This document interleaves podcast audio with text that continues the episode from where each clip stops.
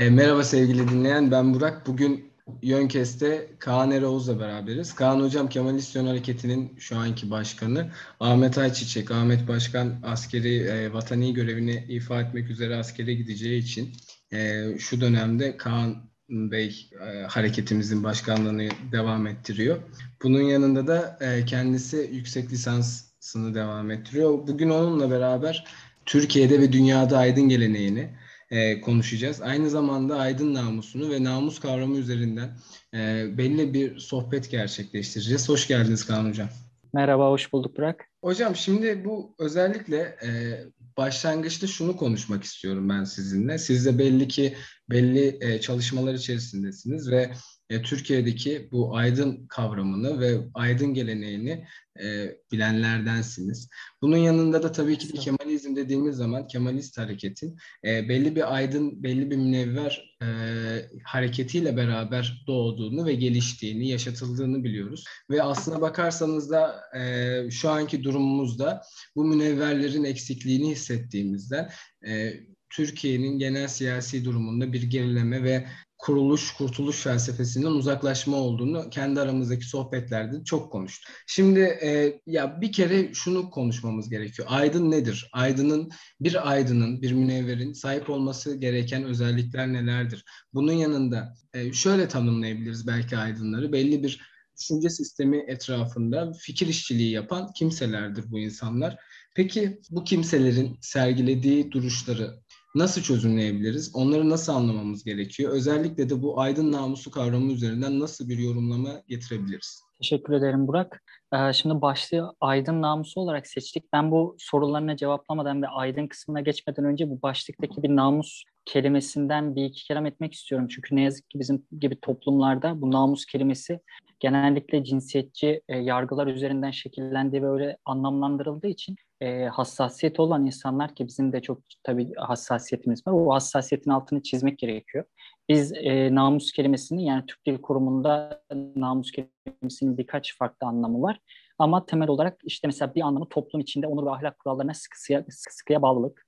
Diğer bir anlamı bir işin içinden onurunu, saygınlığını yitirmeden çıkmak olarak tanımlıyor Türk Dil Kurumu. Ben özellikle bu son anlamı itibariyle yani bir işin içinden onurunu, saygınlığını yitirmeden çıkmak anlamı üzerinden e, bugünkü programın şekilleneceğini düşünüyorum. O yüzden hani bu hassasiyetimizi de belirtip e, bu namus kelimesini cinsiyetçi yargılarla e, oluşturan işte sürekli bu minvalde bir anlamlandırmayla işleyenleri de kınlayarak en azından bu hassasiyetimizi bildirerek yayına başlamak istedim. Şimdi Özellikle Aydın... E... burada bir şerh düşmek istiyorum. Bu son zamanlarda e, çok da aslında bizim konuştuğumuz da bir konuydu. Hani genel kendi hareket içindeki sohbetlerimizde, şahsi sohbetlerimizde. Yani son özellikle 20-25 yılda kavramların içlerinin boşaltıldığını biz görüyoruz. Ve bunun e, sonucu sonuç itibariyle bunun ülkeye ve insana, daha doğrusu dünya insanına, insanın kendi insani felsefesine belli olumsuz geri dönükleri vardı. Bu e, namus kelimesi üzerinden yapılan da işte bu kavramın içini boşaltma olayı ve bunu sadece e, cinsiyetçi ve daha cinsel bir manada yorumlama olayı aslına bakarsanız e, çok daha farklı yönlere doğru konuyu evriltiyor. İşte bu ahlaki yapısı, insanın kendi zihinsel ahlaki yapısıyla alakalı büyük eksiklikler gösteriyor bize. Evet yani ne yazık ki bu açıklamayı yaparak başlama gereği duyuyoruz biz de tam da bu yüzden. Ee, ama bu hassasiyetimizi de bildirerek programa başlamış olalım.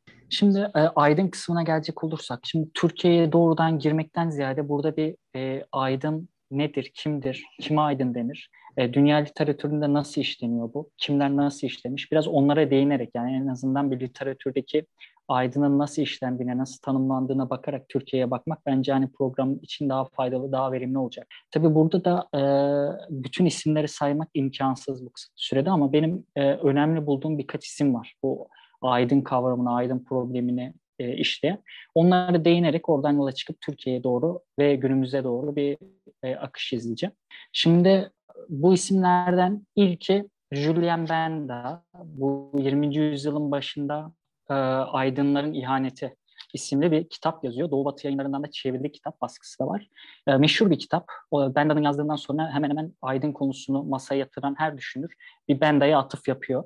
E, ben de kitapta e, kitabı okuyan dinleyicilerimiz, dinleyicilerimiz de anımsayacaktır. Kitapta aslında bir aydın eleştirisi yapıyor. E, özellikle e, bazı tabii aydın eleştirisi yapmak demek şuna da yol açıyor. Aslında bir aydın tanımı da yapmış oluyor eleştirirken. Çünkü kafasındaki, zihnindeki e, aydının karşısında duranları, o tanıma uymayanların bir eleştirisi olarak kitabı yazıyor.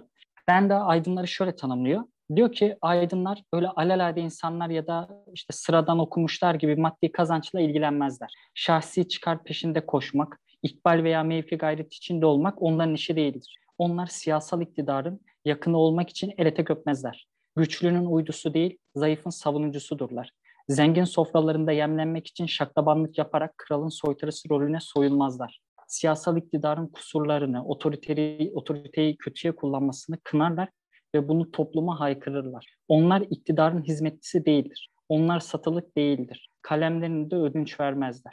Benda'nın kısacası aydın tanımı, aydın dediğimiz kimdir e, karşılığında verdiği yanıt bu. Ve bunun yapmayanları, bu tanıma uymayanları e, aydın ihanetiyle suç. Şimdi bu tanım önemli çünkü Türkiye'ye geldiğimizde e, bu tanım e, birçok kere karşımıza çıkacak belli uğraklarda özellikle yakın dönemimizde. O yüzden Benda'nın tanımı Türkiye aydınlarını incelerken de bizim için bence çok elverişli bir tanım bir çerçeve sunuyor. Şimdi Benda'nın yazdıklarından çok kısa bir süre sonra e, İtalyan siyaset bilimci hatta yön kestinde ilk programında e, adı zikredildi. Onun o meşhur e, kayıtsızlık tarihin yüküdür. Biz taraflıyız. O metni, metnine atıfla adı zikredilmişti. Antonio Gramsci. E, Gramsci e, İtalya'da 20. yüzyılın ilk çeyreğinde işte bu Mussolini faşizminin altında hapishanelerinde yatıyor yaklaşık 11 yıl.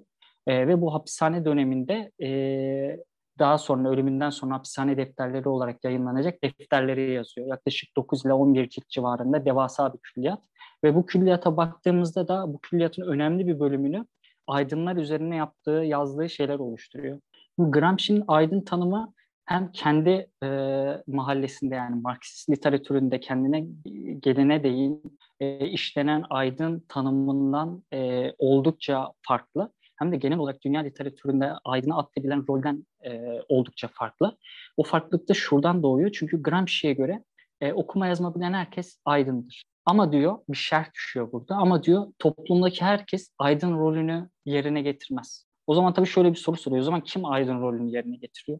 Şimdi önce bir aydın skalasını aslında genişletiyor. Yani herkes aydın e, olabilme potansiyeline sahip dire getiriyor. Ama herkesin toplumda da aydın rolü üstlenemeyeceğini söylüyor. Şimdi burada da Gramsci'de Gramsci'nin siyaset teorisinde çok böyle ikililikler, dikatomiler vardır. Hatta e, Gramsci'nin Türkiye'de tanınmasını sağlayan önemli isimlerinden biridir. Çevirilerin çoğunda kendi imzası vardır. Ankara Siyasal'da Profesör Mehmet Yetiş Hoca. Mehmet Yetiş Hoca bir konferansında şey diyordu. Gramsci dikatomiler üzerinden, ikililikler üzerinden anlaşılabilecek bir teorisyendir diyordu. Hakikaten de mesela aydın konusunu işlerken de yine bir ikililik üzerinden açımlıyor bu aydın meselesini. Organik aydınlar ve geleneksel aydınlar. Şimdi tabii bunu açıklarken de şuradan yola çıkıyor. Gramsci diyor ki kendinden önceki düşünürlerin aksine e, aydınlar böyle toplumun dışında bir grup, bir bilgiye sahip takım değildir. Bunlar toplumun içindedir ve sınıf her sınıfın kendi aydın grupları vardır. Yani ayrı bir sınıf değildir aydınlar. Aksine her sınıfın kendi bilgiye, tekniğe sahip, kendi aydınlarını, aydınlarını oluştururlar e, veya yaratırlar. E, dolayısıyla da e, işçi sınıfının da bir aydın zümresi vardır, burjuvazinin de bir aydın zümresi vardır vesaire. Şimdi peki bu organik aydın, geleneksel aydın e, kavramlarıyla niye açıklamaya çalışıyor? Orada da şunu söylüyor. Diyor ki e, öncü sınıfın yani işte yükselen yeni toplumsal formasyonun öne çıkardığı bir aydın takım var. Bunlar organik aydın. Geleneksel aydınlarda toplumun mevcut yapısını korumaya, mevcut kurumlarını korumaya, eski yapısının da sürekliliği sağlamayı amaç. Bu Gramsci'nin organik aydın, geleneksel aydın e, dikotomisine Türkiye üzerinden, tarihimiz üzerinden bir örnek verecek olursak Osmanlı İmparatorluğu'nda örneğin dağılma döneminde, mütakere döneminde İstanbul basını Gramsci'ci anlamda geleneksel aydınlarını oluşturuyordu Osmanlı toplumu. Çünkü onlar saltanatın devamlılığı işte noktasında, halifeliğin e, devamlılığı noktasında e, sarayın, saray rejiminin sözcülüğünü yapıyorlardı. Geleneksel e, eski tarihsel biliyon aslında sözcülüğünü yapıyorlardı. Ama yeni toplumsal formasyon, işte Cumhuriyet'le e, gelişen kuşak e, kendi organik aydınlarını yarattı. İşte Yakup Kadriler özellikle Cumhuriyet'in ilk yıllarında kadroyla somutlaştı bu organik aydınlar. Bu şeyden yani yorumlayabilir miyiz hocam peki?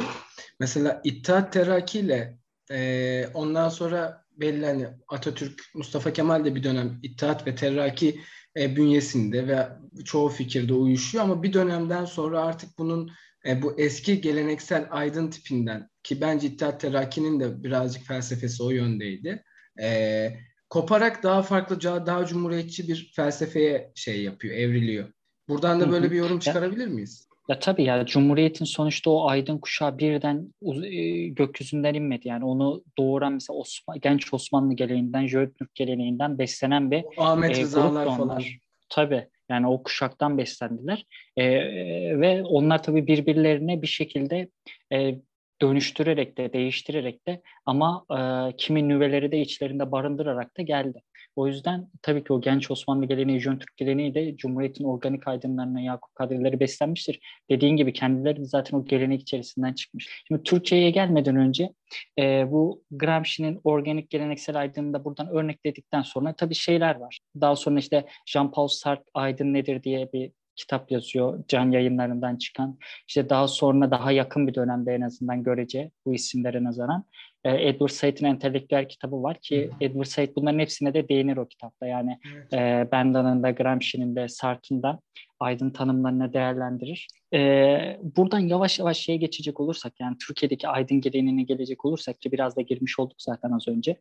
E, ya şu, benim ben mesela Benda'yı falan okuduğumda e, az önce bahsettiğim o aydın Benda'daki aydın tanımını okuduğumda direkt aklıma zaten şey gelmişti. Yakup Kadri'nin özellikle romanları çünkü Yakup Kadri'nin mesela Hüküm Gecesi romanı, işte Bir Sürgün romanı, e, onlar istibdat döneminin, Sultanahmet dönemindeki aydın karakterleriyle doludur o romanlar. Hatta işte Bir Sürgün kitabındaydı, e, evet yanlış hatırlamıyorum. Orada bir Doktor Hikmet karakteri vardır. O Doktor Hikmet tipik e, Sultanahmet döneminin Jön Türk aydın şeyini, karakterini yansıtır mesela.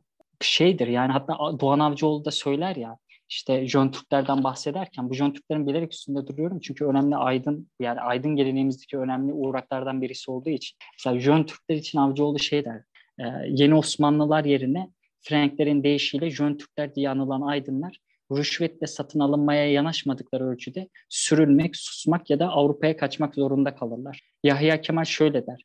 1903'te Türk gencine göre siyasal yaşam neydi? Namık Kemal'in bırakmış olduğu bir gelenekti. İçinde sürgün, dışarıda kaçak yaşama. İçeride sürgün, dışarıda kaçak yaşama. Bu gelenek gitgide Jön Türklük adını almıştır. İstanbul'da ise Jön Türklere kısaca John denilir. John başı belada adam demektir. Dışarıda tehlikeli kişiler John'dur.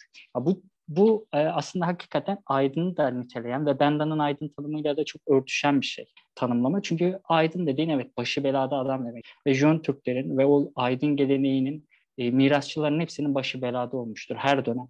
Yani Jön Türk geleneğinde de bunu görürsün, Cumhuriyet'in ilk yıllarında da görürsün, 60'larda da görürsün, 90'larda öldürülen zaten yine bu aydın geleneğinden beslenen aydınlarımızda. Hatta 80'lerde şeyi yani e, daha böyle tabii daha felsefi bir altyapısı belki yoktur ama mesela e, bir Tarık Akan örneği vardı 80 faşizminde işte o mahkemelerde yargılanmış e, hatta dün de ölüm yıl dönümüydü sanırım. Evet, Onu evet. da onu almış olalım bizim için önemli bir isimdi. Tarık Akan mesela yine aynı şekilde 80 faşizminden o e, evrenin Kempostan'ın altında belli durumlar yaşamış insanlar da bunlarda. Yani Aydın'ın aslında bakarsak her zaman başı beladaydı.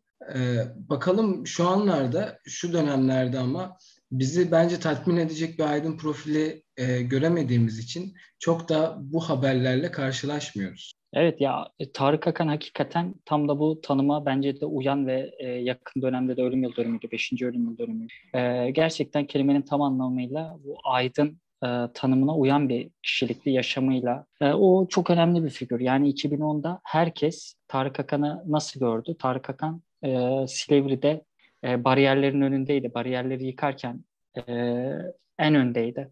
Herkes e, o fotoğrafları zaten e, gördü, basına yansıdı. Hala da ölüm yıl dönümlerinde Gezi paylaşıyor. direnişinde, Gezi direnişinde de taraftı. Gezi direnişinde de işte bu meşhur Ali İsmail Korkmaz tişörtüyle şöyle bir pozu vardı onun. Ha.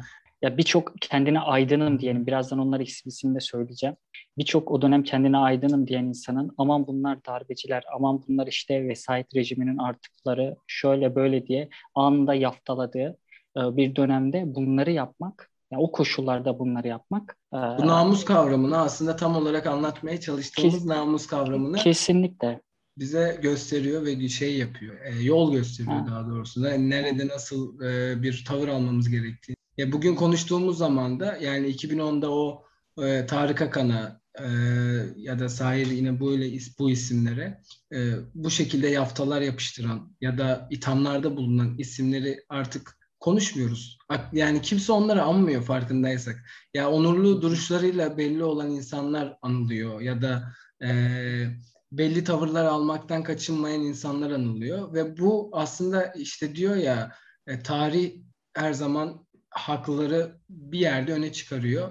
Umarım bakalım bizim de sonumuz öyle olsun diyelim. Umarım yani işte bu tehlikeli kişiler yani Tarık Akan da o dönem tehlikeli kişiydi. İşte diğer o dönem aydınlar, içeri alınanlar işte veya işte soruşturma geçirenler bu kumpaslar neticesinde tehlikeli kişilerdi. 90'larda katledilen tehlikeli kişilerdi. Yani aydın en nihayetinde iktidarın karşısında e, konumlanan muhalif e, ve bilimden yana olan yani bilimsel bilgiyi halka haykıran Belda'nın deyimiyle topluma taşıyan e, insan.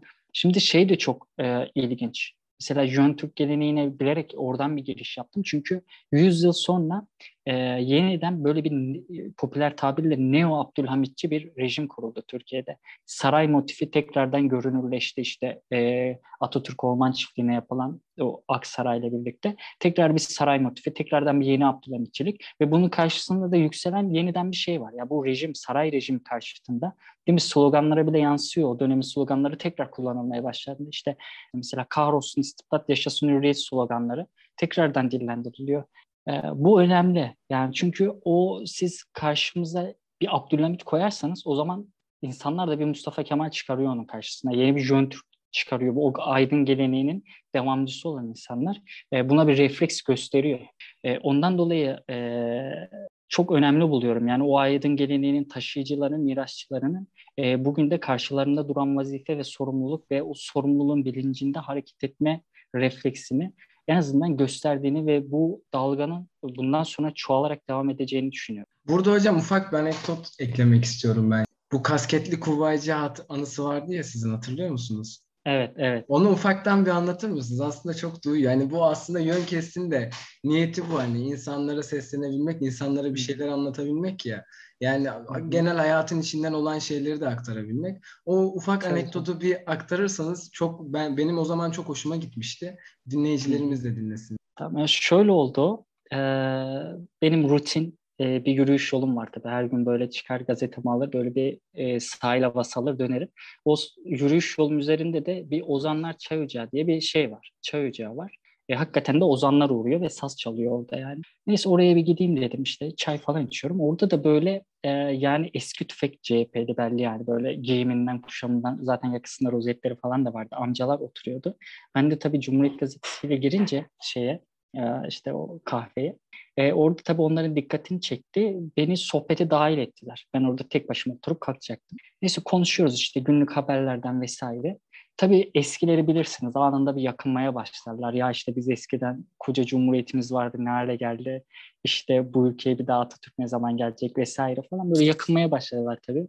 Ee, ve şey dedi o yanındaki bir amca e, nerede o kalpaklı kuvvacılar hiç kalmadı vesaire gibisinden böyle bir söz etti. Ben de e, tanıyanlar bilir zaten ben artık güzden sonra e, ilkbahara kadar sürekli bir kafamda artık benim farklı bir uzun haline gelen kasket takarım. Severim takmayı da. E, o amca da beni de çok onure etmişti. Çok hoşuma gitmişti. Ya kalpaklı kuvvacılar bittiyse kasketli kuvvacılar var bak dedi e, beni göstererek. O da çok hoşuma gitti. Ben de ondan sonra bunu böyle işte e, sosyal medyada da birkaç kere işte kullandım. O hikaye böyle yani kısacası. Aynen çok çok şeydi ya o aslında ya çok da değerli ya, bir şeydi ya. Tabii yani, yani o benim ya bizim aslında baktığımız zaman hani kendi içinde bulunduğumuz, yürüttüğümüz yani hareketin tabii sizler daha e, öncesinde de vardınız. Bunu hatta düzenleyen, teoriye döken insanlarsınız. Ya benim çözümlediğim kadarıyla içerisinde bulunduğum bu hareketin de niyeti burada. Bu, bu yani bu kasketli kuvvacılık, yeni nesil kuvvacılık. E, bunu gerçekleştirebilmek. O yüzden de e, şeyin de kanısı e, ayırdığına varmak gerekiyor. Bu aydın geleneğini yaşatacak olanlar da belki bizleriz yani. Bunu yaşatmamız gerekiyor. Bu ekolleri yaşatmamız gerekiyor. Yani yakın tarihten en azından baktığımız zaman katledilen aydınlarımızın ekollerini yaşatmamız gerekiyor. Mumcunun kalemini tekrardan parlatmamız gerekiyor kendi e, elimizle vesaire. O yüzden de bu şeyler bence önemli ve değerli çünkü bu şey yapıyor. E, bu bize şunu gösteriyor. Nesiller değişse de aslında insanların zihni yapılarında hep aynı hayaller ve aynı idealler var. Bu çok değerli ve bu aslında ulusu ulus yapan şey de bu. Aydın namusu, Aydın konusuna devam edelim hocam. Bu kasketli kuvaycılığı bir anekdot olarak vermiş olalım. Evet ya bunu da çok yakın arkadaşlarım biliyordu artık kamusallaştırdık bunu da e, duyurduk herkese. e, şimdi bu şeye değinmek istiyorum ben. E, biliyorsunuz bu post Kemalizm e, 80'den sonra sıkça işleniyordu ve özellikle 2015 sonrası bunun eleştirisi en azından karşı argümanlarda yazılmaya, çizilmeye başlandı. E, ama e, bunu yazan, çizenler özellikle işte Türkiye bugün otoriterleşiyor, antidemokratikleşiyor, işte hatta faşistleşiyor e, tabirini kullananlar var bugünkü rejimi tanımlarken. E, ama bugüne bir anda gelmediğimizde ve bu post Kemalizmi işleyenlerin e, bu değirmene su taşıdığını, özellikle 2010 referandumunda e, önemli isimlerin yani işte e, Birikim Dergisi'nin ultra solcu, ultra marksist düşünürlerinden Murat Belge mesela e, veya işte birazdan isimlerini anacağız onlar son dönemde e, Rüzgar nereden isterse oradan e, şey aldıkları için, saf tuttukları için e, özellikle bu 30 Ağustos'tan sonra Eylül başlarında 2 Eylül'de yanlış hatırlamıyorsam tarihi işte Nuray Mert Medyaskop'ta cilaladı Kemalizmi, hı hı. Türk devrimini. Sonra Hasan Cemal T24'ten işte e, yazdı bir şeyler. Murat Belge yine T24'te e, Kemalizmi öven, e, onun ilericiliğini vurgulayan e, bir yazı kalemi aldı. Aynı anda böyle eş zamanlı ilginç bir şekilde e, yani Türkiye'nin bugünkü otoriterleşmesinde e, yazdıklarıyla, destekleriyle büyük rol oynayan isimler bir öz eleştiri vermeden böyle bakıyorlar ki rüzgar farklı yerden esiyor anında ona göre konumlanmaya başlıyor. Bu çok ilginçtir. Bunun üzerine de e, birkaç mecrada takip edebildiğim kadarıyla yazılar da yayınlandı. Buradan biz de tekrar edelim. Yani bu isimler, bu bir aydın ihanetidir esasında. Yani Belde'ye burada dönecek olursak, e, söyleşinin başında andığım o tanımdan hareket edecek olursak, 2010'da Türkiye bir aydın ihanetine uğramış o yetmez ama evetçi çizgide konumlanan ve işte vesayet rejimiyle hesaplaşma hesaplaşma e, iddiasıyla e, bu otoriterleşmenin önünü açanlar e, e, sebebiyle Türkiye bir aydın ihanetine uğramıştır. O yüzden bu aydınlar bunları tırnak içinde kullanıyorum. Yani benim gözümde öyle bir misyonu da yoktur bu isimlerin ama tırnak içinde aydınlar, aydıncıklar bu öz eleştiriyi vermek mecburiyetindedir. E, bunu da tekrardan burada belirtmiş olalım. Şimdi bize gelecek olursak e, ya şu çok sık e, işleniyor tabii. Hakikaten 90'lar başından sonuna kadar 2000'lerin başında işte en son Necip Abdülhamitoğlu e, çok ciddi bir e, aydın krizine düştü Kemalizm yani gerçekten. Çünkü mesela post Kemalizmin bu kadar kuvvetlenmesi ve hatta bu fikriyatın iktidara taşınması AK Parti eliyle aslında bu aydın krizi ortamında da gerçekleşti demek pek de e, çok da iddialı ol, olmayacaktır. Yani somut bir gerçeklik aslında bana kalırsa. Çünkü böyle bir aydın krizinde buna karşı argüman üretecek bir kriz yaşandı. Cumhuriyetçi, Kemalist artık nasıl ifade edilirse ilerici kuvvetler arasında solun da 80-90 sonrası özellikle Sovyetlerin çözülüşünden itibaren bir e, geriye çekiliş aşamasında e, ciddi bir e, boşluk meydana geldi ve bu ekipler bunları iyi kullandı. E, ama artık şunu da söylemek lazım. Evet 90'larda birçok aydınımız katledildi ama e, bugün benim de görebildiğim çok farklı mecralarda hakikaten işte hem akademide hem de kendi alanlarında yani Burak sen hukukçusun mesela diğer arkadaşlarımız farklı kendi branşlarında yetişiyorlar. Tekrardan e, Kemalist, Cumhuriyetçi, ilerici, e, Cumhuriyet'in temel kazanımlarıyla bir derdi olmaya, onları daha ileriye taşıyacak, daha demokratik, daha e, refah seviyesi yüksek, ekonomik eşitliğin en azından büyük ölçüde sağlandığı, e, gelir bölüşümünün sağlandığı adaletli bir şekilde böyle bir toplumu tahayyül eden bunun gerçekleşmesi için e, görevlere, vazifelere hazır olan bunun için emek sarf eden insanlar görüyorum ben çevremde özellikle genç kuşak arasında. Bu çok kıymetli. Bu şunu da gösteriyor. Demek ki evet o aydınlarımızı kaybettik ama yeni bir dalga geliyor. Bir dip dalgası Atilla'nın deyimiyle e, bir dip dalgasının geldiğini, geleceğini e, söylemek e, bence böyle bir şey polyanacı değil, gerçek somut bir gerçeklik olarak.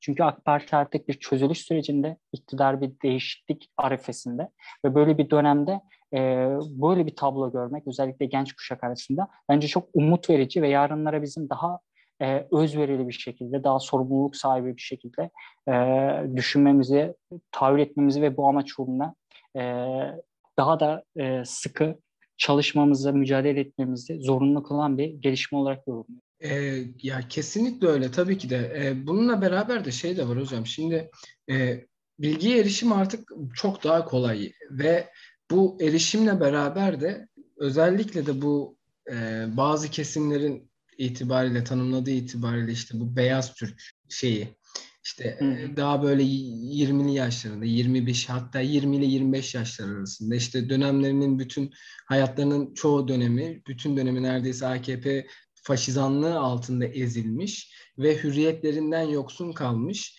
bir kitle var, genç kitle var. Ve bu kitlenin de aslına bakarsanız şey var, yöneldiği bir gerçeklik var. Bu da Atatürk Türkiye'si ve Mustafa Kemal idealleri. E, böyle, hal böyle olduğunda e, bu idealleri yaşatacak olan aydınlara da rağbet ve onları yaş yani yaşatmaya çalışmış olan aydınlara rağbet ve onlara da bir yönelim söz konusu. E, özellikle baktığımız zaman bugün e, Türkiye'de ne bileyim yani herkes yani kendi çapımızda belki de bizim mahallemizden biz sadece kendi mahallemizi görüyoruzdur bilemiyorum ama öyle olduğunda çok zannetmiyorum. E, bir şeyler yapmak istiyor. Ve bunu yaparken de belli doneler ortaya koyuyor. Ve bu donelere de baktığımız zaman hepsi bir yerlerde e, bu Kemalist devrimin yani tamamlanamayan Kemalist devrimin kazanımlarına varıyor. Yani o kazanımlardan geçiyor. O kazanımların yorumlarından geçiyor.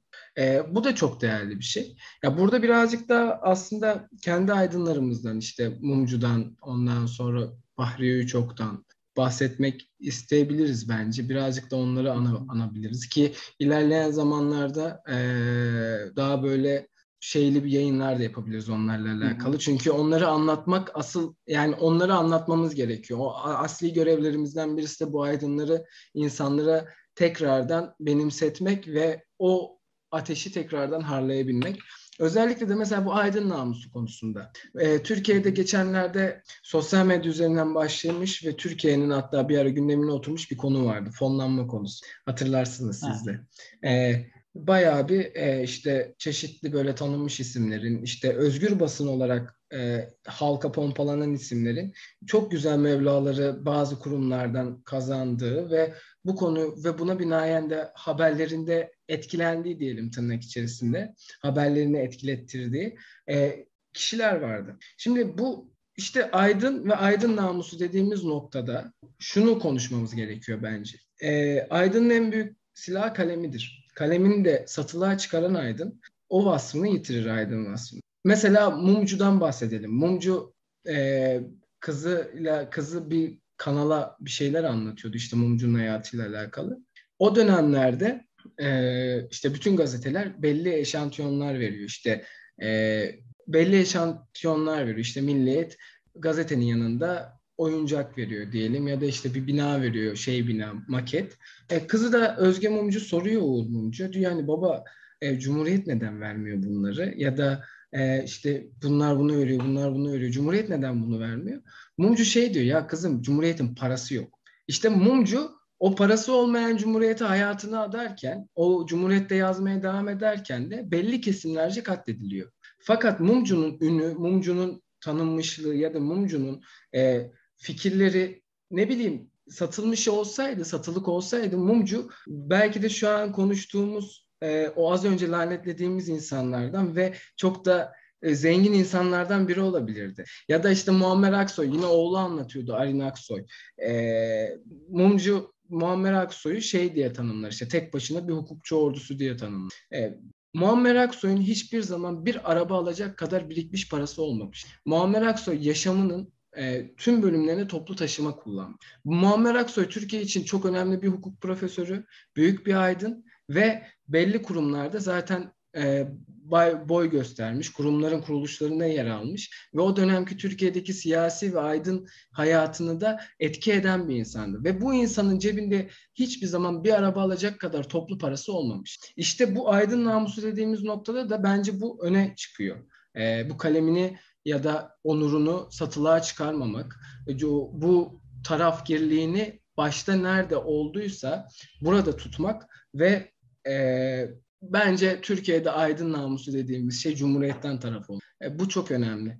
Buradan da e, bahsetmemiz gereken, siz de az önce söylemiştiniz hatta, e, Türkiye'de bu aydınlarımızın katledilmesiyle beraber e, yaşanan bir boşluk var ve gençlerimiz de artık yavaştan dip dalgadan geliyor diye. İsterseniz birazcık da buradan bahsedelim hocam. Bunu nasıl yorumluyorsunuz? Ya şöyle bu bu fon meselesi e, özellikle yani sağın böyle bir hassasiyeti var mı bilmiyorum Türkiye'de ama e, benim görebildiğim kadarıyla solda çok ciddi e, hassasiyet duyulan özellikle 80 öncesinde yani bir örgütün, bir sol bir kurumun bir yerden veya bir yayıncılık faaliyetinde bulunan bir ekibin bir yerden fon alması özellikle uluslararası yabancı e, ülkelerden herhangi bir kurumdan fon alması çok ciddi tartışma yaratan ve işte ajanlıkla vesaire e, suçlamalarına sebep olabilecek türden gayet katı sert eleştirilerin bir anda ortaya çıkabilmesine sebep olacak düzeydeydi.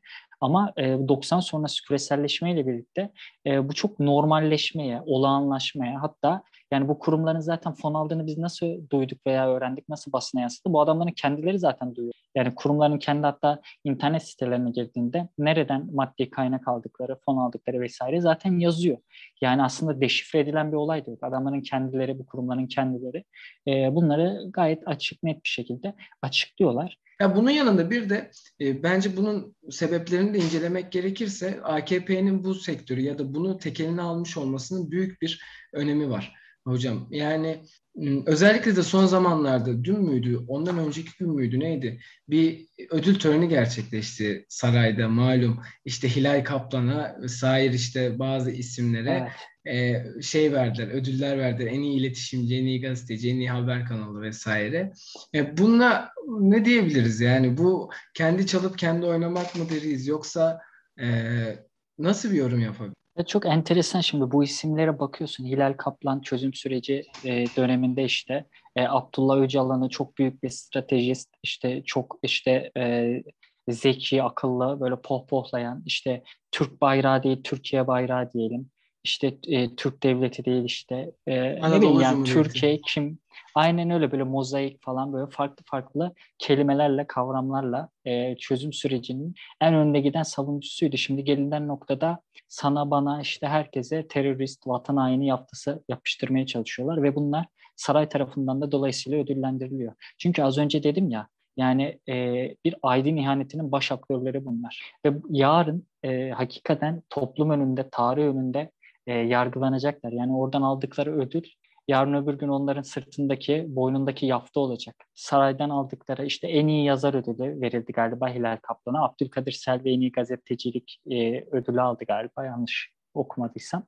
Ya bu isimler saraya siyasetini yozlaşmış siyasetini, kayırmacı siyasetini ne kadar pohpohlarlarsa, işte ne kadar ön plana çıkarıp alkışlarlarsa e, kendi koltuklarının, makamlarının da o kadar devam edeceğini bildikleri için bunun da farkındalar. Mesela Abdülkadir Selvi geçtiğimiz günlerde bir programda e, şey diyordu işte İmamoğlu şey olursa, Cumhurbaşkanı olursa bunlar bir rovanş alma kaygıları böyle bir korkuları var. Yani olur ki iktidar kaybederse Parti e, o kendilerine de bir yansıması olacak bunun. Bunun farkında oldukları için AK Parti iktidarını e, yine kendi şahsi çıkarları uğruna aslında uzatma gayretindeler, savunma gayretine düşüyorlar. Şeyde de bu Nagihan Alçı'nın da vardı böyle bir konuşması. Ee, Enver Aysever'le teke tekte hani Enver Aysever soruyor ya bu devran dönerse ne yapacaksınız? Kaçacak mısınız? Diyor evet kaçacağız çünkü bizi burada yaşatmazlar falan diyor yani evet. böyle bir rövanş alacak yani bir rövanş peşine düşüleceğini falan düşünüyorlar. Evet yani Mehmet Metiner yine keza işte katıldığı programda aman Allah korusun falan dedi böyle bir mevzu açıldığında.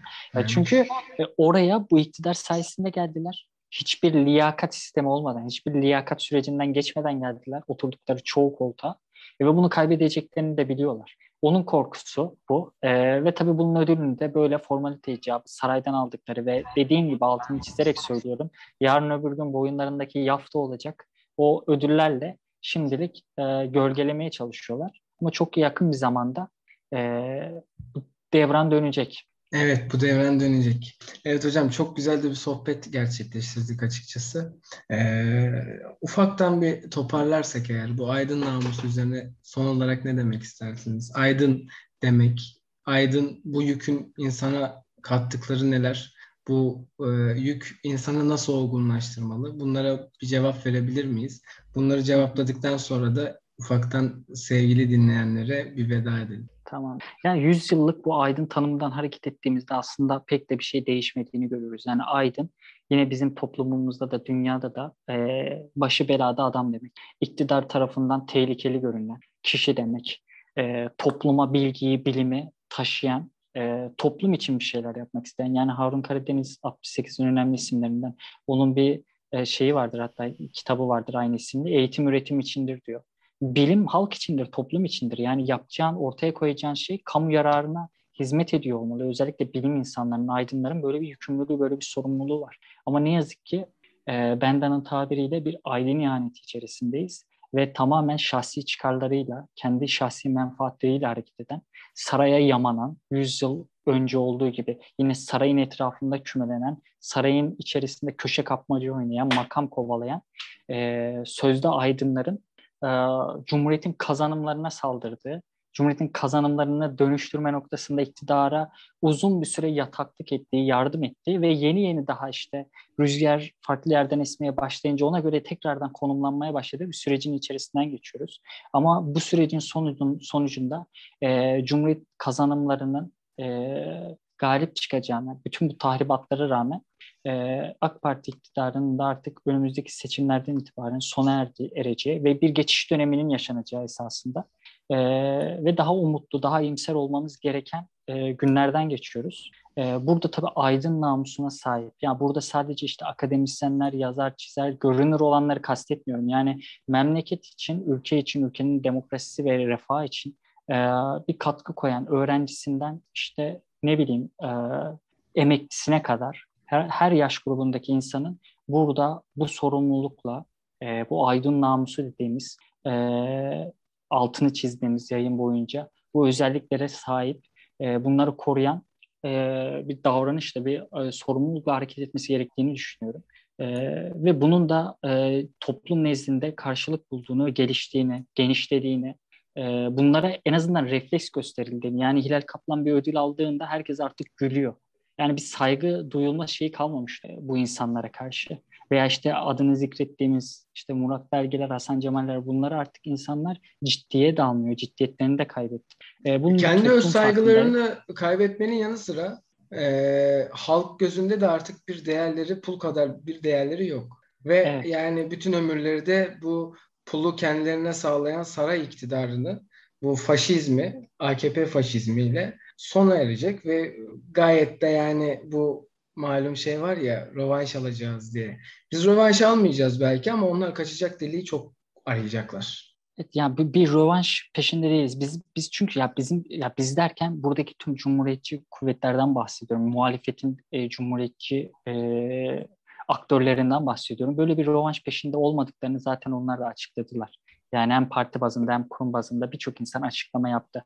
Meramı şu insanlar demokratik, eşit bölüşümün olduğu, liyakatın tekrardan en azından önemli ölçüde tekrardan sağlandığı bir Türkiye'de yaşamak istiyor. Özellikle gençler, özellikle biz yurt dışına çıkmak istemiyoruz. Ülkemizde e, en azından asgari yani hakkımıza okuduğumuz okulun hakkını veren, istihdam edilebilen, e, temel ihtiyaçlarının karşılanacağı bir ülkede yaşamak istiyoruz. E, bunun sağlanacağı e, bir konjektür, bir ortamda e, yaklaşıyor ve bu istenilen bu yani rovanş almak e, e, falan da değil. Kesinlikle öyle. Öyleyse e, hocam yavaştan yayınımızı kapatalım sevgili dinleyenlerimiz. Bugün e, Yönkes'te Kaan Eroğuz'la beraberdik. Kemalist Ön Hareketi Başkanı Kaan Eroğuz bizle aydın namusu konusundaki fikirlerini paylaştı. Güzel bir sohbet gerçekleştirdik. Umarım sizlere ulaşmıştır. Başka yayınlarda tekrar görüşmek üzere ve Kaan Hocam çok teşekkür ederim bu arada. Söylemek Rica istediğim şey varsa bu yürekte ve yayını kapatalım. Rica ediyorum. Çok ben de teşekkür ederim. Ee, herkese dinleyen herkese de teşekkür ederek kapatmış olayım. Öyleyse görüşmek üzere esenlikler.